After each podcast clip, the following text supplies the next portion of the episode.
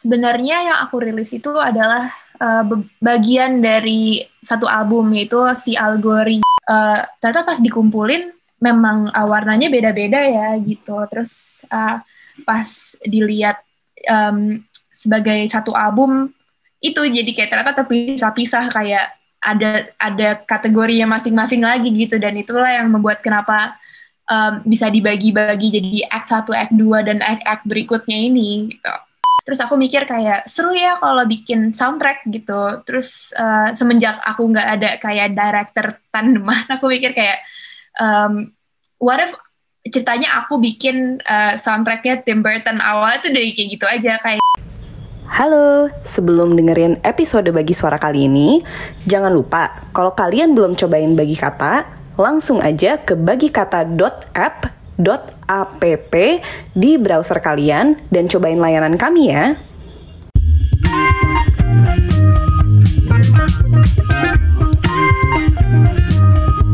Bagi Suara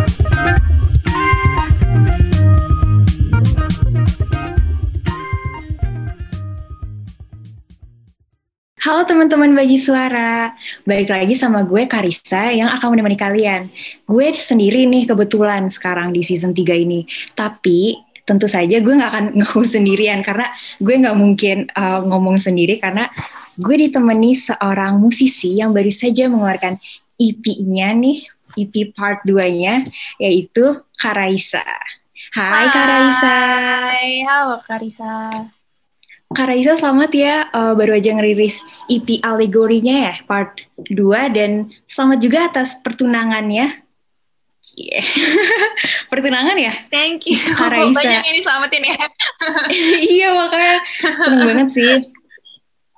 Aku uh, aku sebenarnya tahu Kak Raisa tuh dari ini uh, dari lagu pertama yang something about us. Sumpah. Iya makanya itu benar-benar rilisan pertama aku.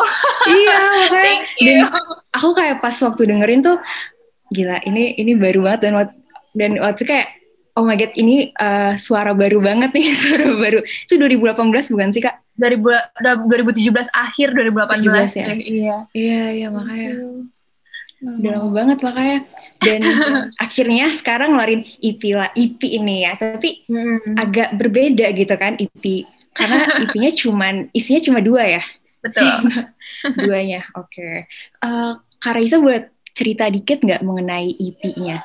And dan kenapa sih alasannya disebutnya sebagai allegory? Uh, jadi um, sebenarnya yang aku rilis itu adalah uh, bagian dari satu album yaitu si Algori. Jadi awalnya tuh memang mau rilis album tahun tahun lalu 2020 cuman karena adanya pandemi um, apa yang direncanakan itu tidak bisa dijalankan gitu loh yang aku pikirin di kepala itu kalau rilis album manggung ngumpul-ngumpul yeah. kayak uh, bikin acara ketemu pendengar terus main ngeband juga gitu mm. terus semenjak um, jelas-jelas uh, plan itu tidak bisa dijalankan karena uh, COVID. Uh, jadinya uh, disesuaikan aja sih dan um, pengen memberikan album itu dalam pace di mana orang bisa menikmatinya di waktu masing-masing gitu. Jadi dikit-dikit aja rilisnya. Dan uh, kenapa cuma dua part ya? Apakah sebuah apa formula baru gitu kan? Biasanya kan uh, langsung banyak tuh 4 sampai 8 ya kalau nggak salah. Yeah. Yang sebelumnya. Mm -hmm.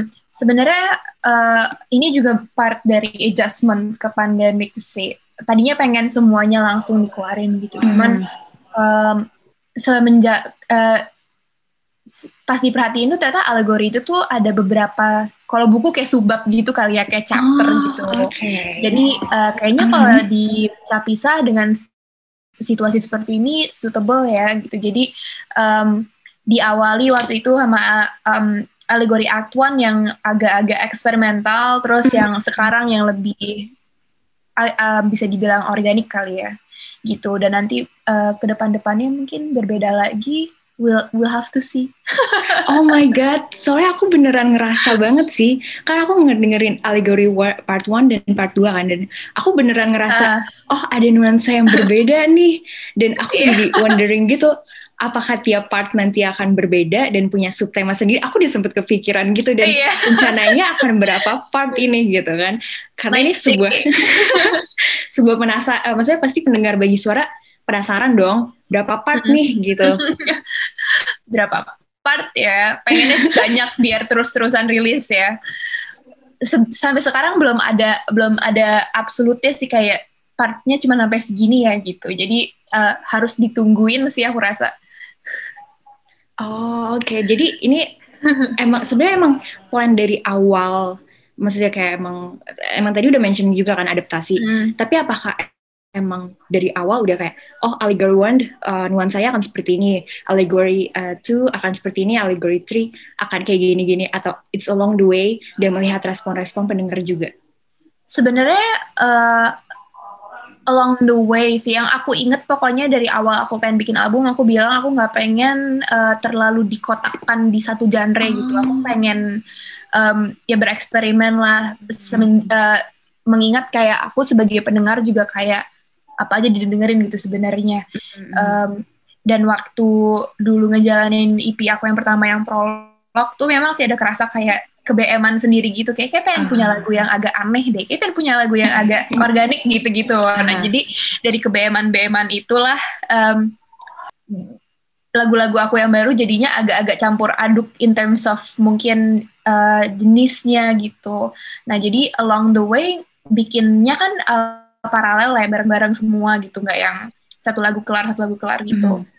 Eh, ternyata pas dikumpulin memang uh, warnanya beda-beda ya gitu. Terus uh, pas dilihat em, sebagai satu album itu jadi kayak ternyata terpisah-pisah kayak ada ada kategorinya masing-masing lagi gitu. Dan itulah yang membuat kenapa em, bisa dibagi-bagi jadi act 1, act 2 dan act-act berikutnya ini gitu. Oh oke, jadi tapi sekarang udah ada nih yang buat part 3, part 4 berarti udah ada ya? berarti udah ada nih. Ada lah, ada lah. Bisa diadain bisa nih. Oke, Ya, ya. bikin penasaran banget ini. Dan ya karena aku udah, uh, maksudnya aku ngerasa banget kan nuansanya berbeda dan aku juga tahu nih sempat research juga nih dan dan dapat bocoran juga nih bahwa proses pembuatan EP ini itu ada kaitannya dengan karya-karya Tim Burton. Personally Iya. aku juga suka sama Tim Burton dan ini kedengeran banget di part 2 Hmm. dan kedengeran beneran kedengeran banget gitu dan uh, bisa ceritain nggak kenapa Kak Raisa apa terinspirasi dari uh, Tim Burton dan specifically nuansanya seperti itu dan how much does that influence on the EP? uh, how much does that influence the EP? I can say a lot sebenarnya. Jadi uh, dari kapan ya? Ya agak-agak lama deh. Uh, aku tuh nyadar kalau aku nonton film tuh sangat merhatiin scoringnya. Uh, dari situ um, research research ternyata um, oh dari situ research research ternyata kayak uh, banyak uh, music composer yang tandeman sama uh, um, directors gitu. Contohnya kayak Tim Burton tuh sama ada Danny Elfman namanya.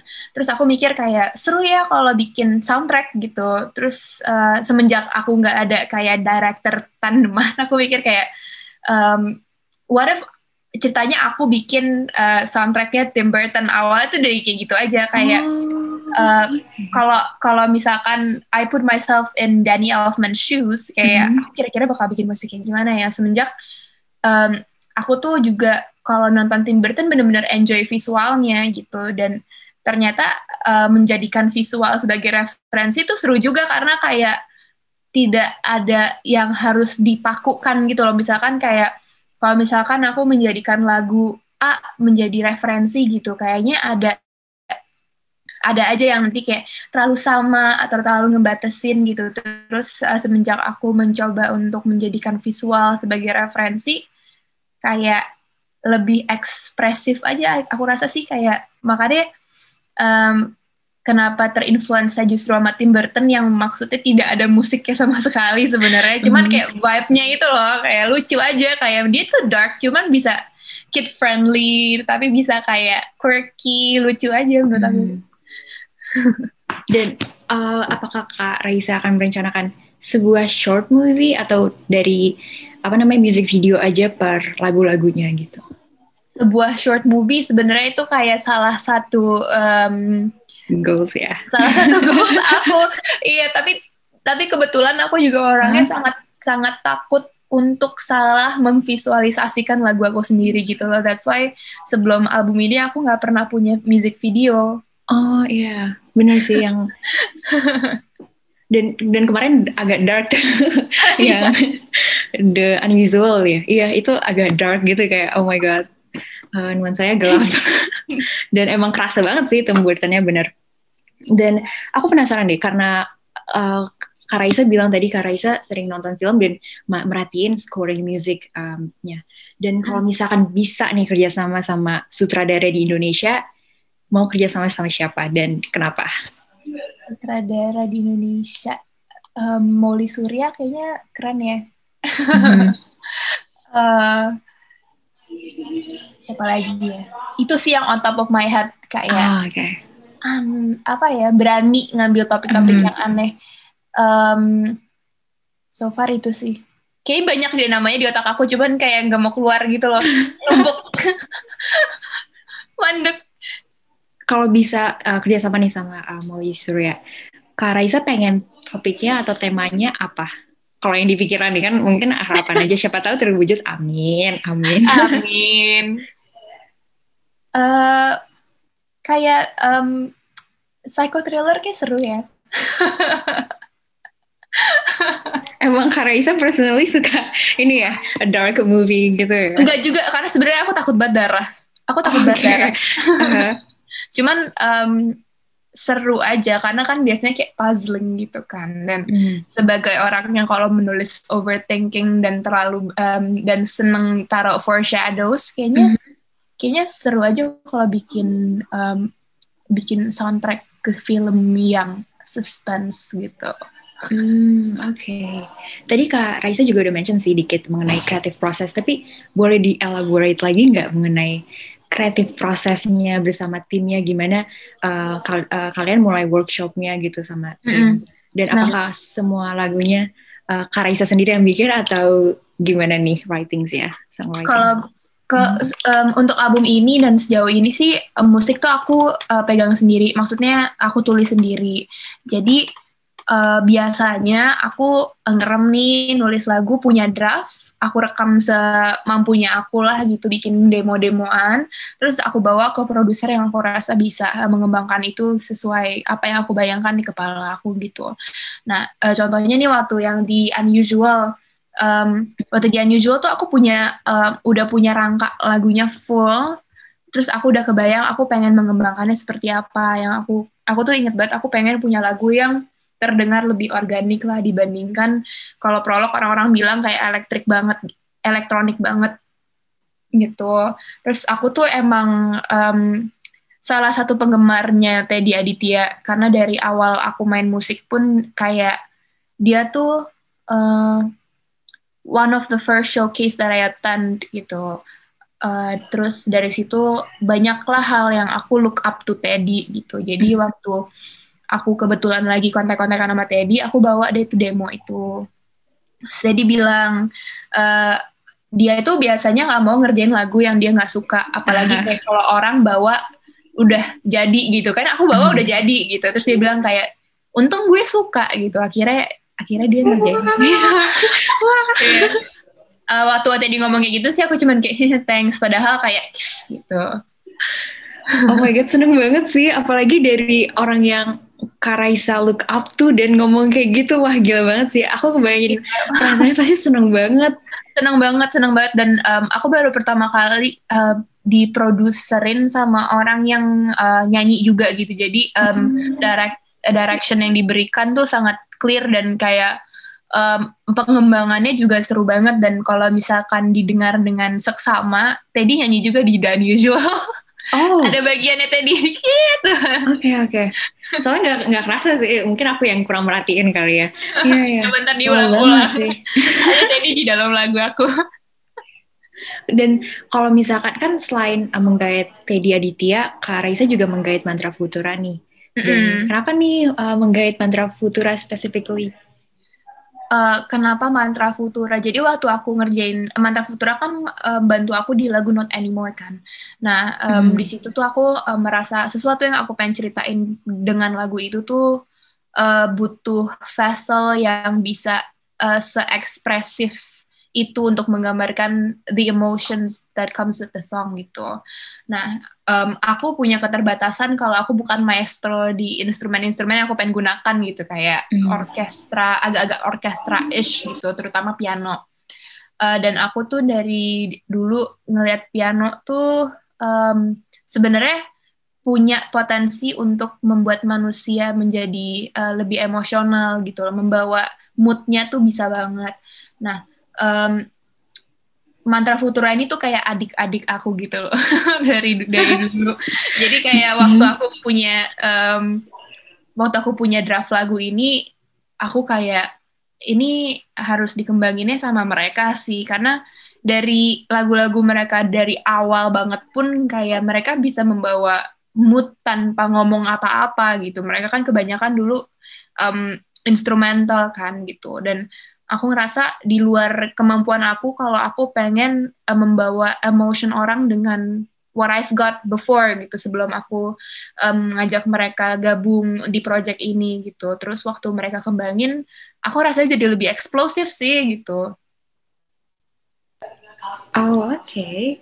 soalnya iya sih, maksudnya uh, emang beneran, beneran juga. Aku juga ngerasain kayak uh, gimana apa pianonya, instrumennya dan itu jadi bikin nge-vibe sama mirip sama uh, soundtracknya yang Corpse Bride.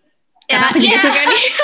aku personally suka banget. Uh, makanya kayak oh my god ini familiar banget apalagi yang Victor's piano song solo gitu kan kalau nggak oh, salah. Iya iya iya benar-benar. Oh my god. Aku personally Ma, suka banget sama lagu ini itu. banget kayak on point banget. Aku suka banget itu piano piece itu. Oh my god. sama banget kak. Ya kan? Makanya kerasa banget aku kerasa banget sih kayak oh oh my god ini ini beneran mirip apakah emang gak sengaja atau ternyata emang beneran terinspirasi emang kan sama bener iya makanya. Suka banget. Dan um, apakah di part selanjutnya akan aja ada seperti seperti kayak gitu juga piano pianonya masih berusaha nih kak. Ada gaya Se menurut aku akan sih coba tunggu aku tuh aku inget gak ya akan ada unsur seperti itunya, cuman mungkin nggak exactly the same. Mm, Karena okay. um, aku aku merasa I can say that I'm heavily influenced by uh, Tim Burton sih gitu mm, untuk okay. um, album ini gitu Allegory as a whole gitu. Cuman tidak menutup kemungkinan juga aku kayak menambahkan mood lain karena itu I'm experimenting. Oh oke. Okay. Mm. Oh ya kan berarti ini berarti nanti akan keluar album full dari part one and until um, ya nggak tahu berapa gitu kan. Dan itu bakal akan dirilis secara fisik atau digital aja? Sebenarnya um, ini salah satu wish list juga mm-hmm. untuk punya vinyl sendiri. Uh, oh, Kayaknya lucu gitu bisa dipajang. Mm-hmm. Pengen sih punya rilisan fisik lagi, cuman I think this day and age kayaknya kalau bikin rilisan fisik tuh lebih ke untuk pajangan atau koleksi hmm. dibandingkan kayak didengarkan gitu gak sih? Karena kan, yeah, yeah, kan sekarang digital. Terus um, sayang juga uh, banyak plastiknya. bener juga, bener banget, bener banget sih. Jadi ini ya uh, environmental aware ya kak. Reza. plastik semua ya. bener banget sih. Oh ya, Kak, Kak Raisa, aku penasaran nih, kan uh, Kak Raisa udah bermusik dari tahun 2017, 2018, dan setahu aku Kak Raisa itu lulusan ilmu gizi, bener nggak? Bener. bener. Dan uh, gimana sih perjalanan karir musik uh, hingga Kak Raisa bisa terjun ke dunia musik? aku jadi penasaran gitu kayak, hmm. Gimana ya? Sebenarnya dimulai dari iseng-iseng sih. Uh, jadi emang waktu kuliah itu mungkin karena waktu free time-nya udah banyak ya, uh, sering ngumpul dan bikin lagu gitu. Uh, dari situ udah mulai sotoy-sotoy nih kayak hmm, apa jadi musisi aja ya cuman nggak kegambar hmm. dulu tuh jadi musisi seperti apa yang tahu juga paling pada masanya upload SoundCloud gitu yeah. um, terus uh, gara-gara punya interest musik itu mulai mulailah ketemu sama orang-orang yang um, interestnya serupa lah gitu sampai um, sempat ngebantuin beberapa project teman-teman yang udah jadi musisi duluan gitu. Misalkan hmm. jadi produ music producer atau kayak DJ gitu. Aku dulu awal-awalnya tuh membantu mereka gitu. Misalkan kayak butuh uh, isian vokal atau hmm. butuh lirik. Biasanya ada beberapa orang yang susah kesulitan di lirik. Um, awalnya aku ngebantuin project-project orang dulu. Terus um, dari ngebantuin jadi sering main di studio. Jadi banyak lagu aku sendiri yang jadi terus setelah dilihat banyak juga ya materinya ternyata kalau dikumpulin bisa dirilis dan kalau nggak dirilis sayang aja kayak cuman buat kuping aku doang gitu mm. jadinya akhirnya um, we decided to release it as prolog deh kemarin oh oke okay. oh ya yeah. um, Kak Raisa paling suka ngapa apa sih kalau misalkan di musik nih Kak itu paling suka apa apakah vokal uh, jadi produser uh, songwriting karena tadi kan Kak Raisa bilang kan awal-awalnya sempat kayak ngebantuin teman-teman ngeproducer yeah. uh, songwriting. Jadi which one is your uh, favorite role in music industry? Uh, my favorite role would be uh, songwriter. Cuman mungkin ini terdengar akan akan terdengar sedikit selfish. Songwriter untuk mm -hmm. perform diri sendiri sih, karena kayak um, aku sempat nulis lagu buat orang lain gitu. Cuman menurut aku hmm. um, karena pindah tangan uh, in a way nyawanya ganti gitu loh. Jadi menurut aku paling seru jadi uh, songwriter untuk diri sendiri perform sih selfish banget ya? Enggak dong enggak dong. Kayak lebih seru kalau misalkan menulis lagu untuk diri sendiri gitu. Cuman aku penasaran sih kalau misal kayak kalau nulis lagu bareng-bareng uh -huh. orang tuh akan seperti apa ya? So I'm looking forward to more of that. Mungkin ntar kalau COVID-nya udah mulai reda kali ya. Tapi pernah nggak, uh, maksudnya kayak songwriting, mungkin emang gak keluar, tapi pernah uh, merasakan itu nggak sih kak? Kayak songwriting bareng-bareng gitu dan itu agak tentang apa tuh lagunya? mungkin kalau pernah. Songwriting bareng-bareng so far tuh biasanya kayak aku sebagai songwriter bekerja sama dengan uh, produser yang uh, memang uh, writingnya lebih banyak aku cuman kayak in a sense of ngambil nadanya atau kayak di bagian mana ada nyanyinya itu lumayan sering sih um, sebenarnya uh, one of my early releases itu sama Emir Hermono itu nulisnya di nulisnya juga dengan proses diskusi juga dan itu LDR sih El, Emir tuh di Emir tuh di uh, KL kan di Malaysia. Terus abis itu um, waktu itu bikin undercover juga rilisan aku setelah prolog undercover itu bareng Hakim, produsernya Hakim di New Zealand gitu. Jadi kayak sebenarnya menulis lagu dengan tanpa human interaction yang fisik kalau hmm. ketemu gitu udah aku terapkan ya? dulu sih. Cuman oh, kok okay. pas mandatory disuruh kayak gitu jadi nggak suka ya padahal oh. udah pernah dijalanin dari dulu dulu gitu.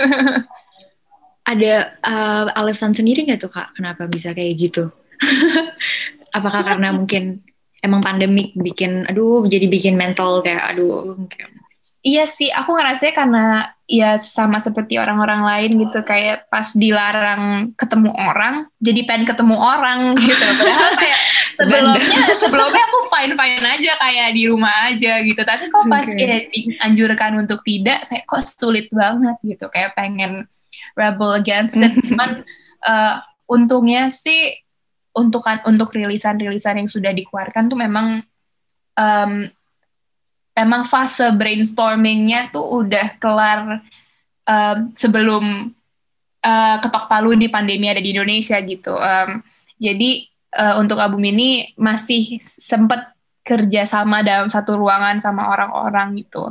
Itu sih yang aku kangenin karena dari dulu tuh kalau misalkan lagi kerjain project terus mentok, biasanya hal yang aku lakukan hmm. adalah ketemu orang dan ngobrol gitu. Terus di sini zaman sekarang tuh kayak beda aja rasanya kayak yeah. ngobrol through screen gitu.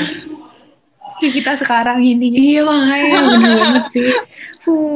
Kak, Kak Raisa apa namanya uh, mentally maksudnya pasti kena mental uh, Karaisa juga sih. Cuman apakah pandemi ini bikin pernah bikin Karaisa jadi kayak, aduh udah deh pengen stop aja bermusik gitu kayak fokus ngerjain yang lain gitu, atau atau ada pernah momen itu mungkin sebelum pandemi atau gimana? Sebenarnya kalau kayak gitu um, dibilang pernah, I can say pernah tapi enggak juga gitu kayak uh, aku ingat banget uh, kenapa aku start uh, untuk masuk ke music industry in the first place gitu karena I like doing it mm-hmm. dan uh, menurut aku pun untuk aku melakukan hal yang lain itu not necessarily mengharuskan aku untuk stop main musik gitu. Justru dengan pandemi ini um, kan as we all know uh, banyak kegiatan yang tidak disarankan untuk dilakukan yeah. gitu. Kayak kayak live gig yang sebenarnya aku udah kangen banget gitu.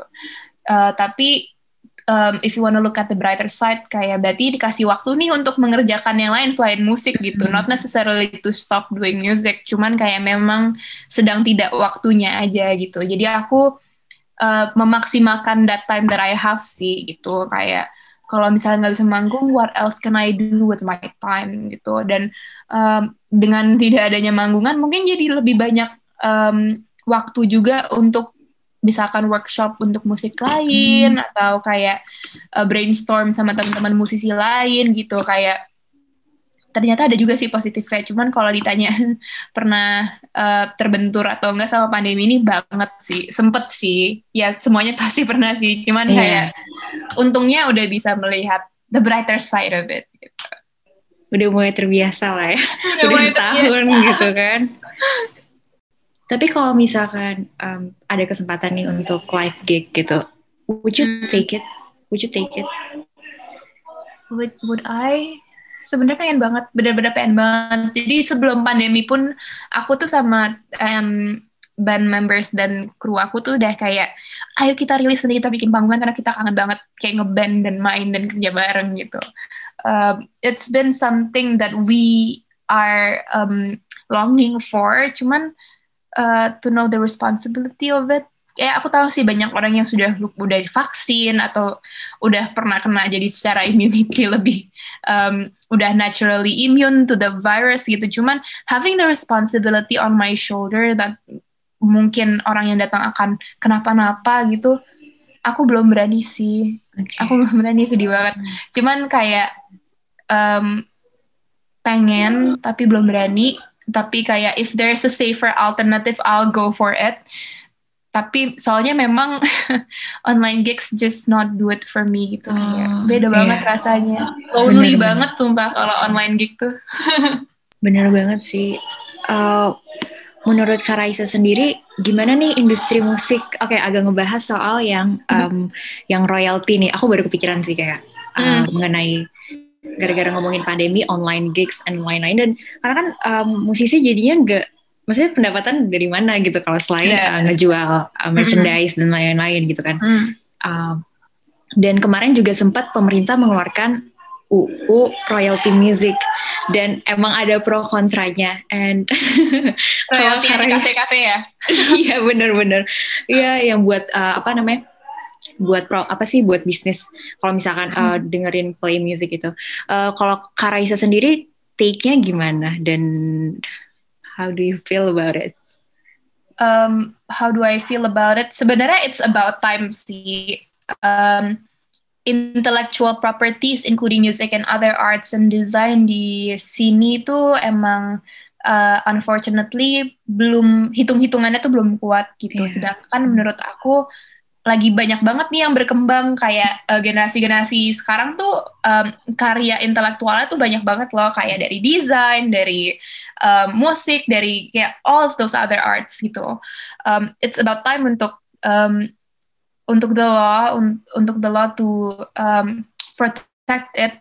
Cuman mungkin uh, memang pasti terbentur dulu sih untuk orang-orang pertama kali menerimanya karena kan memang undang eh, undang-undang keluar bukan dalam format yang sangat mudah dimengerti oleh uh, masyarakat umum yeah, ya. Jadi yeah. waktu kayak kalau aku lihat sih kemarin pas keluar uh, banyak misunderstanding, banyak media yang mm, uh, highlightnya cuman kayak bagian paling horornya gitu kayak harus bayar royalti padahal padahal kayak kalau dirinciin uh, waktu itu aku nemu thread di uh, Twitter sih it's really good. Kayak uh, dia menceritakan implementasinya dari undang-undang itu. Kayak ternyata tuh biasa aja maksudnya ya of course you need to pay uh, a sum of royalty. Cuman bukan yang kayak dari satu toko terus musisi jadi kaya raya gitu loh. Kayak bener-bener a fraction of their profit doang gitu.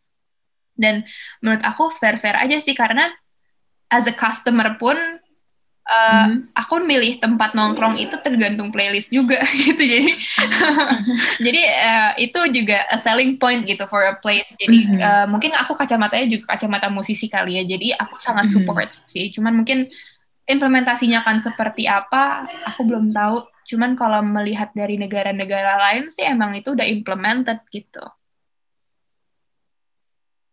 Bener banget sih, iya kan mungkin karena kita kebiasaan mental. Nggak, nggak, maksudnya nggak kebiasaan, maksudnya banyak orang, sebagian orang yang mentalnya yang masih kayak membacakan yang maunya gratis Iya. gitu kan, jadi kayak hmm, agak sulit gitu. Hmm, Nah, kalau udah ngomongin soal intelektual, udah soal ngomongin soal music, kita balik lagi ke mengenai gizi nih. Maaf nih agak muter-muter gitu kan, agak muter-muter. Eh, Dan uh, sebagai seorang lulusan ilmu gizi dan suka masak, is there something in line between those two?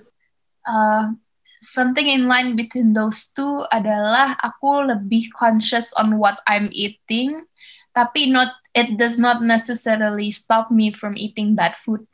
Karena kebetulan um, aku aku Okay. sweet tooth banget. Dan kalau misalkan aku implement every knowledge that I gain learning nutrition, Aha. kayaknya aku nggak makan apa-apa deh. Karena kayak semua makanan kayak ada pros and cons gitu kayak you cannot have too Iya, much of iya. a thing gitu. Jadi eh, ini pun itu itu pun kata-kata dosen aku kayak kalau kalian mengimplementasikan semua ilmu yang saya ajarkan kalian nggak makan apa-apa kata dosen aku gitu. Jadi Uh. ya udah eh, saya tidak implementasikan ya Bu gitu. Eh, Hmm. jadinya eh eh, garis merah dari kedua itu ya em, paling gitu aja sih kayak kalau lagi makan suka kepikiran gitu. Eh, tapi eh, bisa aku jadikan justifikasi juga gitu Eh, kalau misalkan aku mau makan em, let's say a dessert gitu. Aku bisa memberikan banyak alasan kenapa aku harus makan dessert ini cuman aku juga bisa memberikan banyak uh, em, banyak poin kenapa aku seharusnya tidak makan itu kayak suka ada self argument sendiri gitu loh di kepala aku. Kayak tapi ujung-ujungnya kayak meng- mengikuti apa kata hati aja sih. Dan biasanya makan. Oke.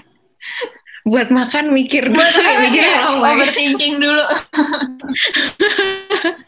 Aduh, Kak, Raiza berencana untuk bikin lagu mengenai makanan nggak? Oke, ini agak. Mengen, mengen- eh, lagu tentang makanan.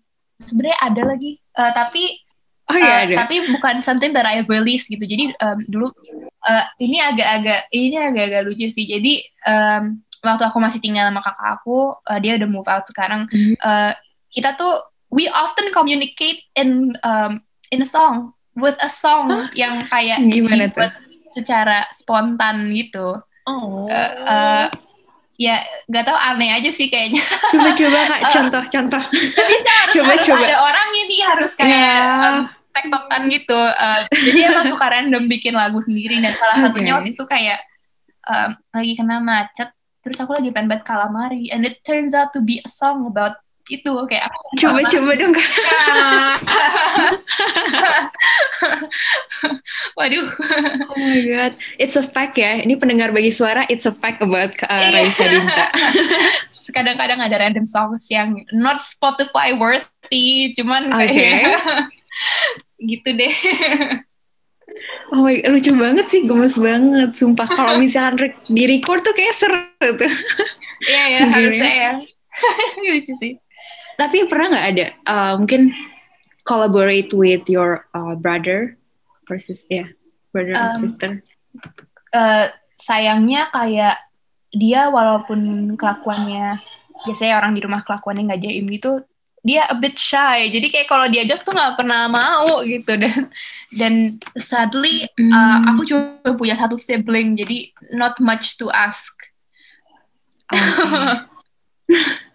Nggak bisa Oke. diajak ya, oke. um, jadi jadi sebenarnya Kak uh, Raisa, jadi sebenarnya ini sih aku penasaran nih. Ini mungkin agak sedikit um, permainan, permainan. Uh, what food do you like? Oke. Uh, is that the question? What food do I like? Okay. Iya, iya, iya. Abis uh, Kak Raisa jawab, baru aku nanti bikin uh, pertanyaan Oke. lagi. Bikin pertanyaan lagi. Oke, dessert ya. Hmm. Ada specifically yang Kak Raisa nggak suka atau Specifically, all kind of dessert? um, all kind of dessert sih sebenarnya. Oke. Oke, kalau gitu um, pudding or eh sorry sorry. sorry sorry. Tunggu aku mikir dulu, mikir dulu. Oh, oke. Sebentar. Kalau misalkan dessert um, pudding atau ice cream? Ice cream, Oke. Ice cream or cake? cake. Kenapa tuh? Karena uh, lebih apa ya? Lebih filling, lebih macem-macem juga. Kalau ice cream tuh kadang-kadang ke- kebanyakan enak ya. Kalau cake, I can finish a whole cake Hmm. myself. Cake or yogurt? Cake, I don't like yogurt. Oh, kenapa tuh? Bukannya yogurt itu it's healthy ya? Yogurt, aku sukanya yogurt yang gak healthy, yang frozen yogurt yang basically ice cream. Oh, itu nggak sehat ya? Sumpah aku suka banget. Wah, itu gulanya banyak banget, cuman I, I wouldn't say Oh, nggak oke. sehat unless kayak makan itu doang gitu. Nggak apa-apa kok makan aja. Oke, ini ada pertanyaan nih dari uh, partner aku, cake or cookies? Ah, aduh, susah lagi. Uh, soalnya cookies tuh uh, it's a currency for me gitu loh. Aku bisa banget pakai cookies, uh, cookies dan What kind of cookies are your favorite? Uh, Mungkin pendengar bagi suara bisa kirim nih nanti. Kalau mau suka yang gitu kan. chewy, aku suka yang banyak chocolate chipnya. Uh, I don't like I don't like Ah. anything with white chocolate. Uh, yang makin banyak coklatnya aku makin suka sih sebenarnya. Aku suka yang soft, Dark chocolate? mesen.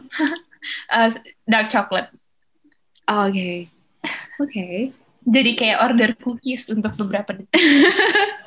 Oh, fak, eh, fak kali. Fakta, fakta banget nih, fakta banget. Sorry, sorry. Ke preset ngomongnya. Eh, aku jadi kepikiran lagi nih kayak, mungkin emang agak berbelit-belit ya ngomongnya sama aku. Karena aku kayak, eh, abis Kak Raisa jawab kayak, oh kepikiran lagi nih soal musik jadinya. Jadi kayak aku pengen lagi ngebahas musik-musik lagi. Dan eh, mungkin ini aku, mungkin ini eh, sebagai last question sih. How do you feel about our generations music industry. Our generation's music industry is very interesting karena uh, yang aku perhatiin uh, makin banyak orang yang berani untuk uh, mempertunjukkan karyanya sendiri kayak despite it being uh, tidak sesuai pasar misalkan atau kayak uh, unlike we've heard unlike something we've heard before atau enggak yang kayak um, terlalu mainstream bukannya berarti kayak mainstream buruk ya cuman maksudnya banyak orang yang berani branch out dari mainstream itu karena kayak growing up aku ngerasanya mungkin karena zaman dulu masih aksesnya tidak semudah itu ya untuk kayak Hmm. ngulik lagu sendiri gitu ngulik musik sendiri um, referensi Iya. orang tuh itu itu itu aja dulu gitu ya sedangkan kayak sekarang yang di mana-mana orang bisa upload musik sendiri, bisa kayak exchange ideas, bisa collab sama siapa pun di mana pun gitu kayak um, hasilnya jadi macem-macem banget dan Hmm. it's interesting for me gitu karena uh, jarang ada yang sama gitu jadinya makin macem-macem jadi seru deh. Kalau personally Kak Raisa dengan banyak ya, maksudnya banyak keunikan-keunikan dari teman-teman musisi ini kan, maksudnya berkarya kan. Jadi pasti kayak saling compete with each other. Uh, how do you see is that a bad thing or a good thing? Like semakin ya persaingannya semakin ketat dong otomatis. Uh, persaingannya semakin ketat uh, in a way karena orang mudah untuk upload musik iya tapi I'm I consider myself lucky to be in a environment yang teman-teman musisi aku tuh sama-sama support gitu loh. Kayak nggak ada yang apa ya kok zaman sekolah mungkin banget sikut-sikutan kali. Cuman uh, enggak sih semuanya kayak saling bantu gitu saling respect each other's um, art in a way. Uh, saling respect uh, karya masing-masing terus kayak saling bantu. Kalau misalkan kayak oh lo butuh apa sih nih sama gue? gitu. Kayak nggak yang oh nggak bisa rilis hahaha gitu. Nggak nggak sedrama itu sumpah. Kompetisinya tuh menurut aku Okay, kompetisi itu healthy banget bukan yang kayak Oh. "Ih, dia jelek banget gitu. Enggak Hmm. nggak sama sekali. Kayak kayaknya kalau ada yang kayak gitu bumbu deh menurut aku ya. Atau I'm lucky enough to be in such uh, such a bubble gitu yang sangat nyaman. Uh, untungnya it's it's not a competition it's uh, yang aku lihat lebih sebagai motivasi aja sih ngeliat temen-temen kayak berkarya keren-keren banget gitu Oke, gitu aja nih kak. gitu aja nih. gitu aja Kak, beneran dong kak. uh, snippet buat part-part selanjutnya, please. Mungkin tema deh tema. Atau nggak berapa? ya tema berapa sumpah kok jujur kalau berapanya oke. aku pun belum tahu loh maksudnya kayak I haven't pin Mhm. on a number yet gitu karena um, aku pun pengen banget punya rilisan-rilisan yang spontaneous gitu nggak harus yang terencana berapa tahun sebelumnya karena I feel like if I do that uh, Oh, ya. ketinggalan zaman gitu loh maksudnya aku nggak Mhm. bisa relate with the song itself gitu since I write, write my own gitu uh, sneak peek buat apa ya uh, yeah it's going to be interesting hopefully Aduh. it's going to be Hmm. Interesting karena karena aku aku ada satu lagu yang aku uh, ikutan produce jadi uh, it's all the kebeaman in a track Oke, we will see. So, kita lihat nih kapan nih rilisnya karena dari tadi udah diusahain nih di congkel-congkel terus nggak berhasil. Paling gitu aja sih. Kak Raisa. Terima kasih untuk teman-teman Bagi Suara. Jangan lupa untuk follow at Bagi Suara di Instagram dan Twitter. Jangan lupa juga untuk follow Instagramnya Kak Raisa Dinta at Raisa Dinta dan dan wajib banget dengerin Allegory Part 1 and Part 2 karena nuansanya beda dan you will feel the the nuansa, the nuansa. Ya bakal pasti bakal ngerasain deh kayak gimana vibes-nya dan itu benar-benar kentara banget sih. Oke, terima kasih sekali Kak Raisa atas waktunya. thank you